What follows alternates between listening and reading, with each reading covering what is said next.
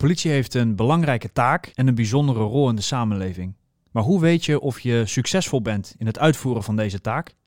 Leuk dat je luistert naar een nieuwe aflevering van de podcast van het Podium voor Goed Politiewerk. Mijn naam is Erik van der Zanden. Naast me zit Siem Matoeg. En vandaag hebben we het over de ontwikkeling van gebiedsgebonden politiewerk.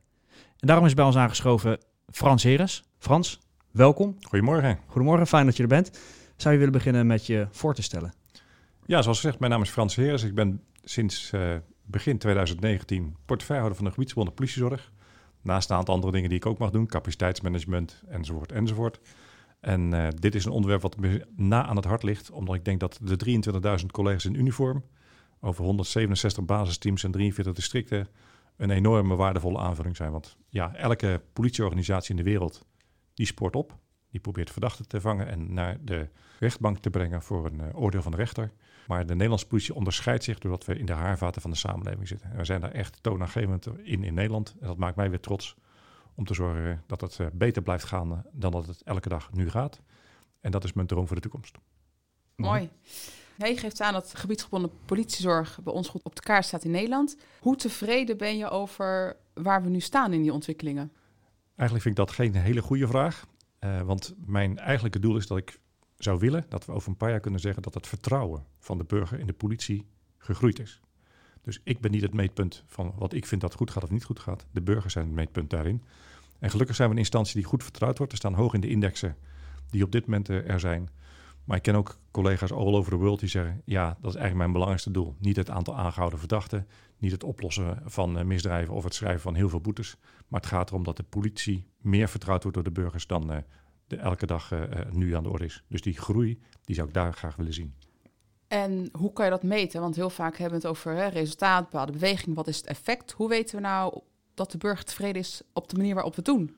Nou, in het Engels zou je zeggen, er is een trust index. Die is al overal in de wereld is die, uh, van toepassing. Wij hebben de veiligheidsmonitor. Dus daarin staan uh, de cijfers over het vertrouwen van de burgers in de politie. Nou, dat kan je ook uitsplitsen in het vertrouwen in de politie op straat, in de basisteams in uniform. Dus dat is mijn, uh, mijn eigenlijke doel. Daar moet de tevredenheid vandaan komen. Want ja, de criminaliteit kan stijgen en die kan dalen. Maar het vertrouwen wat je hebt, hè, durf je de politie te bellen? Kan je informatie geven? word je teruggebeld? Zitten er momenten in dat je denkt van... hé, hey, zo zou ik wel behandeld willen worden. En dat vind ik nou mooi van de overheid. Dat zijn de momenten waar die er te doen. Hoe komt het dat wij daar zo hoog op scoren, denk je? Omdat we gekozen hebben voor nabijheidspolitie, politie in de wijken. Dat wij gekozen hebben voor het uh, hebben van de mond als het sterkste wapen... en niet het wapen als het sterkste wapen. Verschillende politieorganisaties, die zie je ook op televisiebeelden... die zijn toch behoorlijk uh, van het geweldsmonopolie. Dat zijn wij ook. Maar daarnaast hebben wij een enorme vaardigheid in het omgaan met alle culturen in Nederland de manier waarop we naar problemen kijken. Uh, en ik ben daar heel trots op. Wij gebruiken relatief weinig geweld in Nederland, vind ik, als politieorganisatie. En het zou nog mooier zijn als wij geen vuurwapens hoeven te gebruiken. Dat we niet dodelijke wapens alleen maar dragen. Want ja, dat is volgens mij ook een, een waarde die in onze samenleving heerst. Geweld zo min mogelijk.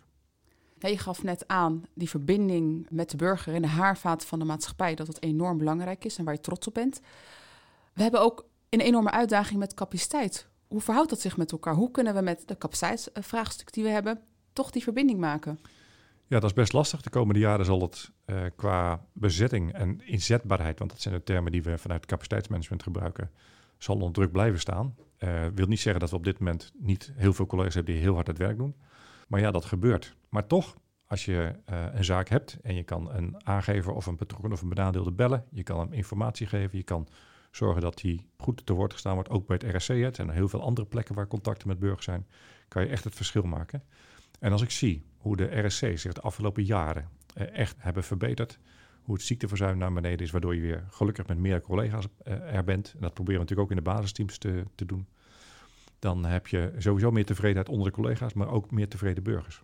Dus ja, krapte is een, eh, een element wat echt een rol speelt. Ik hoor het in elk basisteam terug. Maar ik weet ook dat als je elkaar in de ogen kijkt als team en zegt we gaan er vandaag voor, we gaan kijken of we die stap naar het vertrouwen van de burger kunnen maken, dat je dan ook wel heel goed bezig bent. Heeft dan ook te maken met mindset of een andere manier van werken? Want ja. wat is dan het knopje waar die collega's aan moeten draaien? Allebei. Kijk, als je constant zegt ik heb te weinig capaciteit, dan heb je of te veel werk, hè? dan moet je daarin kunnen snijden. Of je moet op een gegeven moment zeggen, we doen het met datgene wat we hebben en we doen het naar ons beste kunnen. En waar ik dus een warm voorstander van ben, is dat teams meedoen met anders roosteren, met contextgebonden werken. Dat ze kijken wat is er nodig, wanneer is dat, speelt zich dat af en welke competenties heb ik in het team om daar een bijdrage aan te leveren. En dan heb je misschien minder mensen op tijdstip A nodig dat je op tijdstip B kan doen. En soms moet je met z'n allen zeggen, dit gaan we niet meer doen, want dit kunnen we niet waarmaken. Want als je als politie onbetrouwbaar wordt, bereik je het tegenovergestelde van wat mijn doel is. Namelijk dat je onbetrouwbaar wordt in de ogen van de burgers. Dan zeg je, ja, de, politie komt eraan en die komt niet. Of we bellen u terug en die wordt niet teruggebeld. Nou, dat zijn echte uh, elementen waar we zelf invloed op hebben. Of je nou met 10 mensen in een baasteam zit of met 300. Want het gaat namelijk over je eigen werk. En daar heb je die capaciteitsvraagstuk niet bij nodig.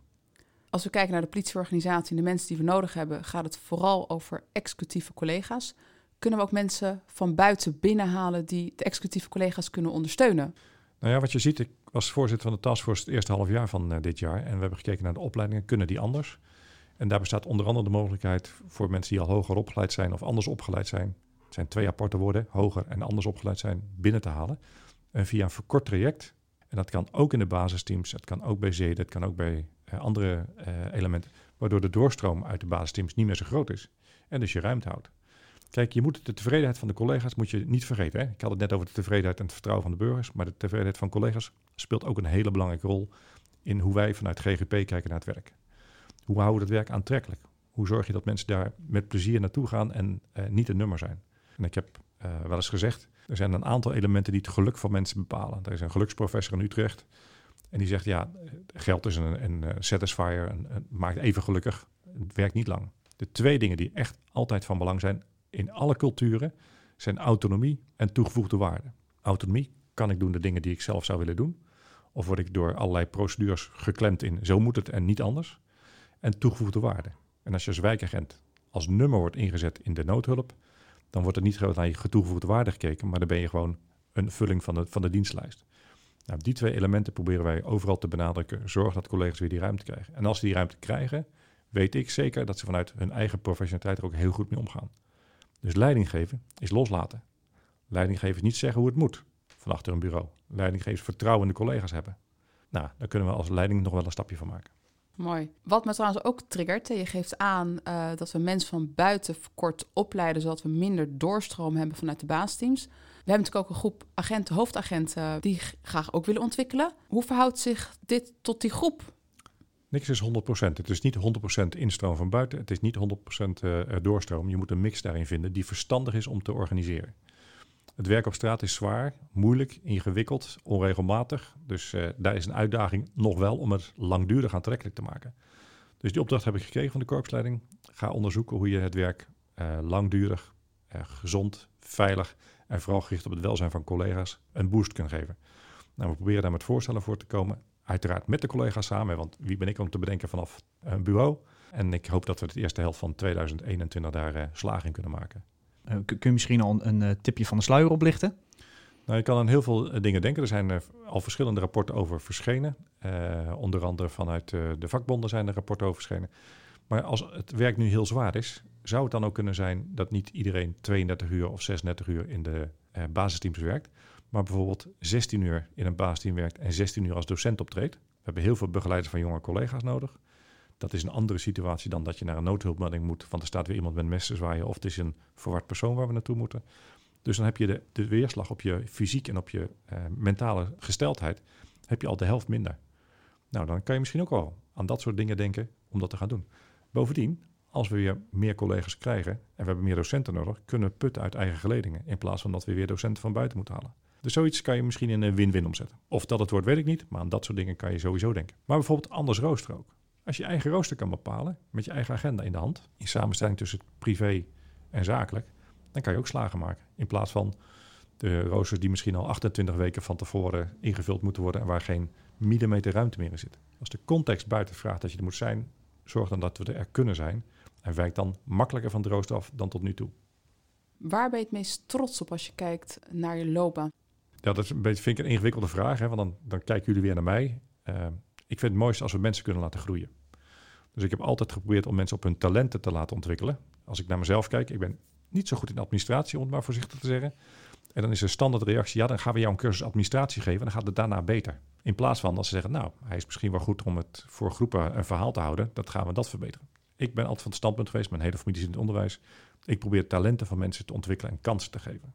Dus deze podcast moet kansen hebben, ook in 21 en in 22 en in 23. Want jullie zijn een start-up en ik zou jullie echt gunnen dat we op een goede, meer professionele manier met meer ondersteuning ook in 21 de mooie verhalen kunnen horen. Want wat er wel aan de hand is, we hebben nieuw public management. Alles moet afgevinkt worden. Heb je iedereen wel teruggebeld? Heb je wel je IBT gedaan? Heb je je profchecks gedaan? Terwijl ik vind dat we zoveel mooi werk hebben wat niet uh, te zien krijgen, uh, dat we niet horen en wat enorme impact kan hebben. Toen ik nog politiechef was, hadden we mijn eenheid in één jaar 365 zelfmoorden. Dat betekent impact voor de collega's. Soms twee of drie keer in een korte tijd. Dan moet je het aanzeggen aan de familie, je moet onderzoek doen. Je moet samen met de DELA moet je de nare uh, dingen doen. En dan denk ik bij mezelf, dat komt in geen enkel verslag komt dat terug. Geen enkele rapportage staat dat. En toch is dat werk waar we enorm om gewaardeerd worden. Dus jullie podcast helpt ons om de collega's die dagdaags 24 uur per dag, 7 dagen in de week, dit moeilijke werk doen, om dat voor het voetlicht te brengen. Dus uh, ga vooral door, dames en heren. Dankjewel, uh, Hans. Nou, we hebben hier een, een leuke pot, dat heet Koffiepraat GGP-editie. Goede gesprekken op het team, daar en voor politiecollega's. Dus we gaan Frans een kaartje laten, laten trekken of hij daar iets over wil vertellen. Ik neem deze. Ja. De politie neemt de burger serieus, eens of oneens. Ik vind dat wij de burger serieuzer moeten nemen. Dus het is niet zo eens of oneens wat mij betreft. Maar we hebben toch best wel gemodderd de afgelopen jaren met burgerparticipatie. Hoe doen we dat nou? Welke informatie geven we aan de burgers? En er zijn echt enorm mooie initiatieven gekomen. Die cold case calendar die geweest is. Als ik kijk naar de, de zaak van een aantal jaren geleden van Ruben en Julian. Hoe we dat samen met burgers gedaan hebben hoe we het met de MH17 gedaan hebben. Dus ik vind dat wij veel meer gebruik kunnen maken van de kennis en de kunde van de burgers om ons heen. Onder één voorwaarde. Het moet rechtsstatelijk altijd blijven staan tot aan de Hoge Raad toe. Dus wij gaan geen onrechtmatig verkregen bewijs organiseren. Wij gaan niet hacken om het hacken. Wij doen dat alleen met toestemming van de officier van justitie enzovoort enzovoort. Die samenwerking zou ik echt uh, graag willen. Dus pedojagers, wat nu in de belangstelling staat, is echt een situatie waar ik denk, ja, daar zouden we niet mee moeten samenwerken. Want dat gaat de verkeerde kant op, een soort eigen richting. Want er is een rol van de staat. Vroeger, in het jaar nul, of misschien wel daarvoor, uh, had de staat twee functies. Eén is zorgen dat we de bedreigingen van buiten konden weerstaan. Dus we bouwden een leger en we gingen desnoods de oorlog in of ons land verdedigen. En de tweede was om te zorgen dat we eigen richting gingen voorkomen. En ik vind dat we daar waar de eigen richting plaatsvindt, neem die pedojagers als voorbeeld waar dat zo nu dan uh, kan gebeuren. En dat wil niet zeggen dat die pedojagers het zelf doen, maar kunnen ook omstanders zijn. Daar moeten we niet aan mee willen werken. Dus daar zit mijn grens. Mooi. Zullen we er nog één doen? Uh, we doen er nog één. Het internet is voor de politie goed om informatie te halen. We slaan door in het delen van wat we doen. Nou, absoluut niet. Internet is de communicatiebron voor de komende jaren. Uh, we begonnen met de postkoets.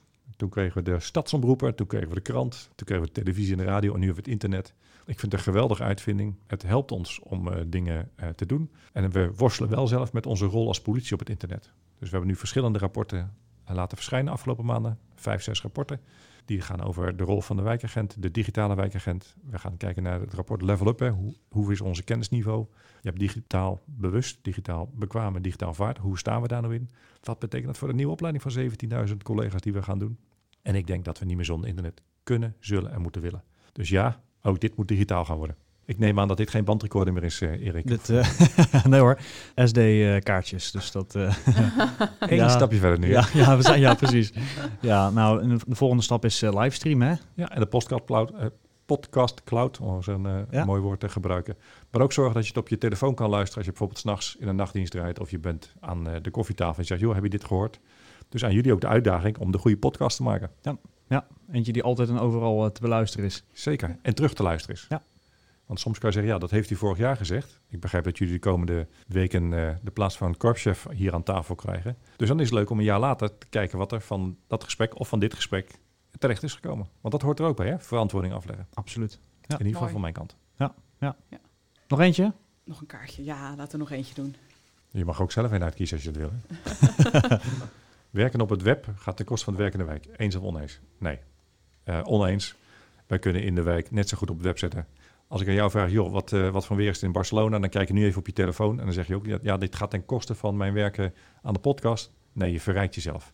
En ik denk dat wij de komende jaren echt stappen gaan maken in de politieorganisatie als het gaat over de digitale vaardigheid en de digitaal bewustheid en digitaal bekwaamheid. Ja, ik vind het echt een geweldigheid. Ik ben een, een early adapter. Hè?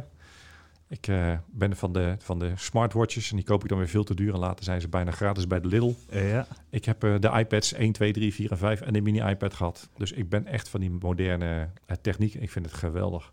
Camera's in huis, mooie lampjes in huis. Auto met 27 knopjes. Allemaal lekker digitaal. Heerlijk. Elektrisch? Nee, ik, ben nog, ik heb helaas een, een auto die ik de bijnaam heb gegeven Slurpje. Ah. Hij rijdt, nog op, hij rijdt nog op diesel en ik ben met angst en beven kijk ik naar de ontwikkelingen. Want ik zie al verschillende steden waarin binnenstad er een uh, verbod is voor diesels. Ja. Maar ja, als ik een elektrische auto kan krijgen die mijn caravan kan trekken, want dan hou ik mijn relatie thuis ook goed, dan ga ik er echt over nadenken. Maar ik heb zo'n grote caravan dat dat nog niet door elektrische auto's getrokken kan worden. Toekomst voor de politie? Um, spannend, uh, uitdagend, maar ongelooflijk aantrekkelijk. Want ja, dat geldt voor jullie ook. Je weet s'morgens wel wanneer je begint, maar je weet niet wanneer je eindigt en wat je hebt meegemaakt. Een tijdje geleden hadden we de boeren, Farmers Defense. Daarvoor hadden we de gele hesjes. Daarvoor hadden we migratiestromen. Nu hebben we viruswaanzin. En over drie, vier, vijf, zes maanden hebben we weer een nieuwe tendens. Wij staan midden in de maatschappij. Elke dag staan we in het nieuws. Niet altijd positief, maar ook zeker niet altijd negatief. Dus ik denk dat we veel collega's goed kunnen gebruiken. En dat uh, de eigenlijke test voor iedere collega is: kijk eens in de ogen van de ander. En als je ziet dat je daar een snaar geraakt hebt, bijvoorbeeld als je kijkt in de ogen van een slachtoffer denkt, heb ik er alles aan gedaan om te zorgen dat deze zaak wel of niet opgelost kan worden. En je krijgt daar bevestiging, is, is dat het mooiste moment die iedere collega mee kan maken. Want daar doe je het voor. Niet voor de statistieken, niet voor de cijfers, maar voor het vertrouwen van de burger. Helemaal mee eens. Ja, super. Ja. Dus ik geloof in het positief van de collega. Die beginnen heel goed elke dag, hebben een positieve intentie. En ik hoop dat ze ook dat effect kunnen bereiken, dat, uh, wat ik eerder zei in deze podcast, dat de burgers meer vertrouwen krijgen. En als de collega's nou meer vertrouwen krijgen in de leiding, zou het ook wel goed zijn. Maar dat is best ingewikkeld. Want we zijn wel opgevoed met mevrouw of meneer, ik verdenk u van een diefstal, u bent nu aangehouden. Ja, maar ik heb het niet gedaan. Oh, dat zullen we nog wel eens zien. En dan trekken we van alles uit de kast om te kijken of het verhaal wel klopt. En dat gebeurt ook in contacten tussen collega's onderling. De leiding zegt wel dat het goed is wat ze voor hen bedacht hebben. Maar de vraag is of dat wel ook zo op die manier geaccepteerd wordt. Dan wordt het dus getest of je dat wel goed doet. Terwijl je het omdraait, waarmee kan ik je helpen? Waarmee kan ik je ondersteunen? Wordt de relatie heel anders. Nou, dat heb ik wel geprobeerd in mijn loopbaan om te kijken of ik mensen kon ondersteunen, op hun talenten kon inzetten en kansen kon creëren. Want daardoor binden mensen zich aan jou. Dan gaan ze niet voor uh, wie je bent, maar voor wat je doet. Mooi. Ja, het zag wel een beetje een rode draad in je verhaal. Dat je, ik heb ja. een paar keer horen zeggen, het gaat niet om mij. Ja. Het gaat om de burger, het gaat om de medewerker. En, uh... Ja, ik, vind, ik heb het ook nooit over de werkvloer. Ik heb het altijd over de collega's die het echte werk doen. Ik, heb, ik werk in hetzelfde bedrijf. Ik heb een andere verantwoordelijkheid gekregen. Uh, maar het gaat om de collega's die het echte werk doen. 7 keer 24 uur, weer of geen weer, uh, ernstig of niet ernstig, leuk of niet leuk, dat werk moeten doen. Weer weggeroepen worden omdat ze naar een demonstratie mogen hier in Den Haag. Hebben ze nog wel een paar. Uh, elke keer weer aangesproken worden over mm -hmm. dat het werk dat gedaan moet worden, dat het onderkrapt is. En ik vind het geweldig hoe de collega's zich daarbij uh, bij inzetten. Echt, ik heb er diepe bewondering voor. Ja, zeker weten. Ja, we hebben nog één, uh, één kaartje uit de, de koffiepraat. Volgens mij uh, kan het nog wel eventjes. En dit slaat eigenlijk op iets wat je eerder noemde, het uh, meer contextgedreven werken. En de, de vraag is eigenlijk, hoe kunnen we de noodhulp anders inrichten, zodat er meer tijd is voor gebiedsgebonden politie?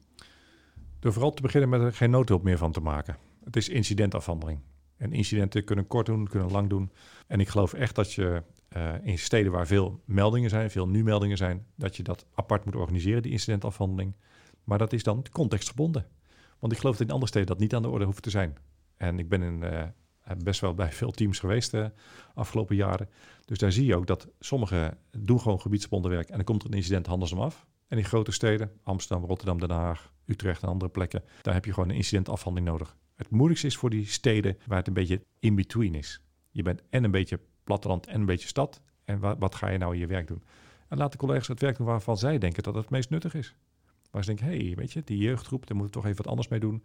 En dan kom je misschien naar het pilot gaming toe. Dat je met gaming aan de slag gaat. En dus achter het bureau zit om de jongeren te bereiken. Er staat vandaag nog, uh, gisteren nog een artikel uh, van een collega bij ik en zegt, ja, ik word veel ingezet in nood, maar ik kan de jongeren, ik ben, de, ben ze wel een beetje kwijt. Ja, maar de jongeren zitten nu ook op internet. Dus je hoeft niet altijd naar buiten te gaan om ze te bereiken. En bovendien, als je toevallig geen incidentafhandelingsmelding hebt, een nu-melding hebt, pak even je telefoon. Wij hebben hele mooie telefoons. We gaan dadelijk naar de A10, uh, begreep ik. Uh, dus we gaan alweer een stapje vooruit. En dan kunnen we weer meer dingen op het internet doen. Pak die kans. Vul je eigen ruimte in. Ja, en dat is zeker ook vandaag de dag gebiedsgebonden politiewerk. Op die telefoon, op uh, Facebook, op sociale media. digitaal surveilleren, daar contact maken. Tuurlijk, en er gaan altijd wel eens dingen fout dat je op het verkeerde knopje drukt. Wie heeft dat niet? Maar goed, ook mensen bewust maken van WhatsApp-fraude. Je kan het gewoon, je stopt gewoon bij een winkel en je zegt: hey, ben je al slachtoffer geweest van een phishing mail of enzovoort? En wat kunnen we daaraan doen? Wat, wat heb je daar aan handelingsperspectief voor nodig? Nou, wij hebben daar heel veel goede tips over in ons bedrijf, want wij weten wel aardig hoe criminelen werken. Anders kunnen we ze niet pakken. Frans, wat is jouw droom?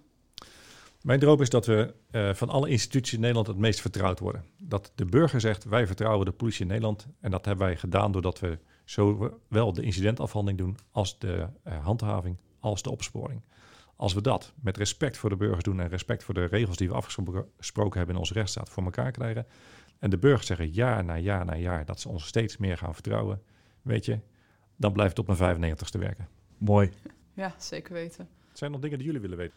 Um, Waar kan ik jullie mee helpen? ja, ja, nou dat, is. we niet verwacht dit zo'n vraag. Want wij, uh... we draaien hem, ja. we draaien hem om. Kijk, het podium bestaat nu twee jaar, hè? Twee jaar. Tenminste, in de eenheid Den Haag. En uh, we denken dat we de afgelopen jaren heel veel stap hebben gemaakt. Hè? Nou, dat was even schakelen toen het uh, de corona kwam.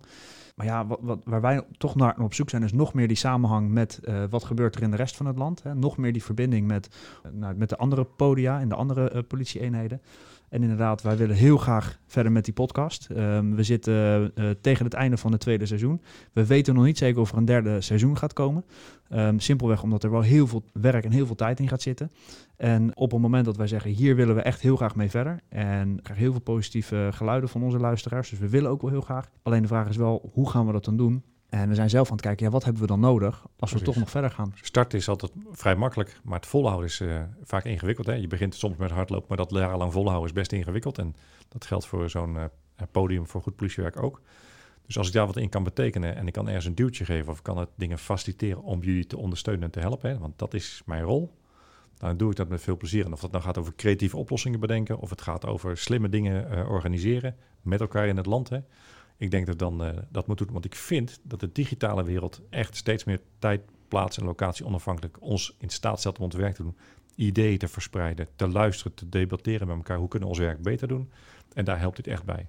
Dus maak het ook leuk en aantrekkelijk om te luisteren. En ik uh, gun jullie uh, een glazen huis in 2021. Ja, ja. 24 uur opgesloten met alle podcast-collega's uit het land. Iedereen, ja. Oh ja. ja. ja. Ik noem maar eens wat ideeën. Ja. Maar uh, denk erover na en jullie kunnen altijd bij uh, de GGP aankloppen. Geweldig, geweldig. We zitten boordevol met ideeën, dus daar gaan we zeker gebruik van maken. Mooi, het gaat jullie goed. Frans, heel erg bedankt voor je bijdrage vandaag. Wil je reageren op deze aflevering, dan kan dat. Neem dan contact op met Sia Toeg of met mij, Erik van der Zanden. Of gewoon met Frans Heres natuurlijk. Zeker, graag. Bedankt voor het luisteren. Tot volgende week.